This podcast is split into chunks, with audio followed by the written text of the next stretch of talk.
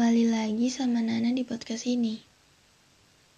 Dan sebelumnya, makasih ya buat kalian yang masih mau mendengarkan podcast ini. Oke, jadi kali ini kita bakal bahas sesuatu yang berkaitan sama kaca. Entah itu sekadar kalimat, atau bahkan sebuah kata. Pokoknya, yang ada kata-kata kaca, atau cermin. Oke, kita mulai ya.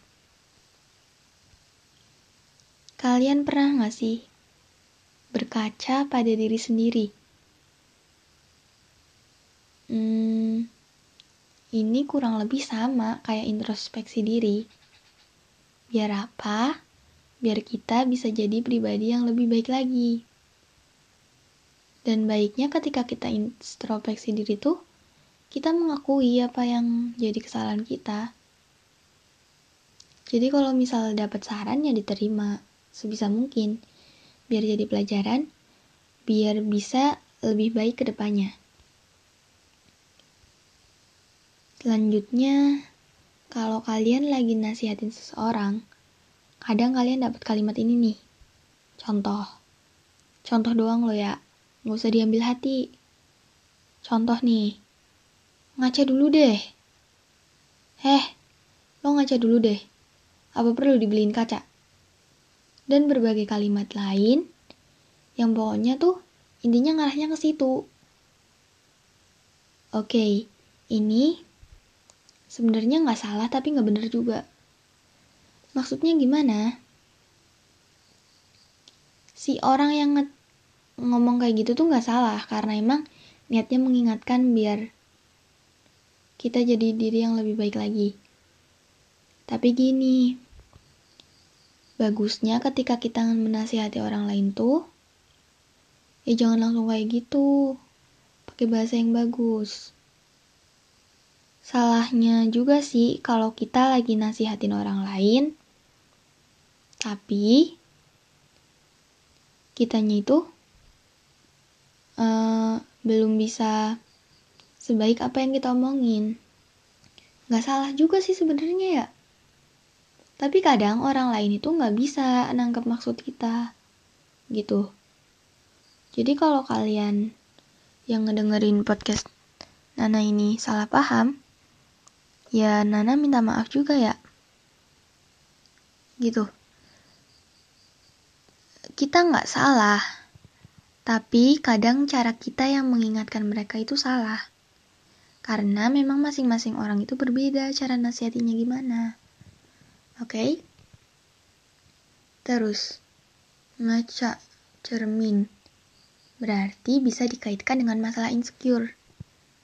Biasanya nih, ciwi-ciwi kalau lagi ngaca berasa dirinya kurang banget.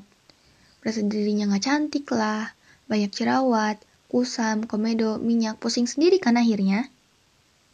Nah, daripada si kaca ini jadi tersangka insecure-nya seseorang, insecurities-nya seseorang, keadaan insecure-nya seseorang, mending kalau lagi ngejatuh senyum sambil bilang gini, Oke, okay, kamu cantik, kamu berharga. Sambil senyum, wajib sambil senyum. Pokoknya tuh kalau di depan kaca tuh kalian tuh wajib senyum. Biar nggak insecure. Terus, buat kalian yang punya rasa lelah dalam hidup, ini relatif sih ya. Pasti kita kan pernah merasa lelah dalam hidup. Nih, tiap pagi senyum. Sekali lagi tuh senyum. Senyum depan kaca sambil bilang, lo pasti bisa jadi lebih kuat dari sebelumnya, lo berharga, lo pasti bisa bahagia hari ini, dan juga hari-hari ke depannya. Ini semacam self talk ngomong sama diri tapi jangan sampai dikira gila. Sebenarnya dikira gila juga nggak apa-apa sih karena ini juga buat kebaikan diri sendiri. Tapi janganlah ya. Jangan sampai dikira gila gitu. Oke buat orang yang ngerasa nggak punya beban hidup ngaca sambil bilang lo bahagia hari ini bisa lebih baik dari sebelumnya. Fix hari ini baik fix harus baik. Gitu sambil senyum. Pokoknya kalau depan kaca tuh sambil senyum. Sebenarnya sambil nangis pun boleh, tapi nggak terlalu disarankan ya. Kenapa?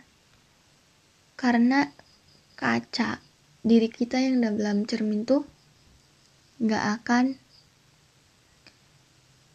ketawa ketika kita nangis. Ini nih bagusnya self talk. Kita bisa jadi diri kita sendiri tanpa harus berpura-pura sama orang lain. Oke, okay, oke. Okay. Jadi sekian episode kali ini yang berkaitan sama kaca. Buat yang masih bingung, boleh langsung DM aja ke Instagram at Najwa belakangnya ada S-nya dan A-nya itu banyak oke okay? ya nggak apa-apa lah sekalian promosi gitu kan sekali-kali oke okay? dadah sampai jumpa lain waktu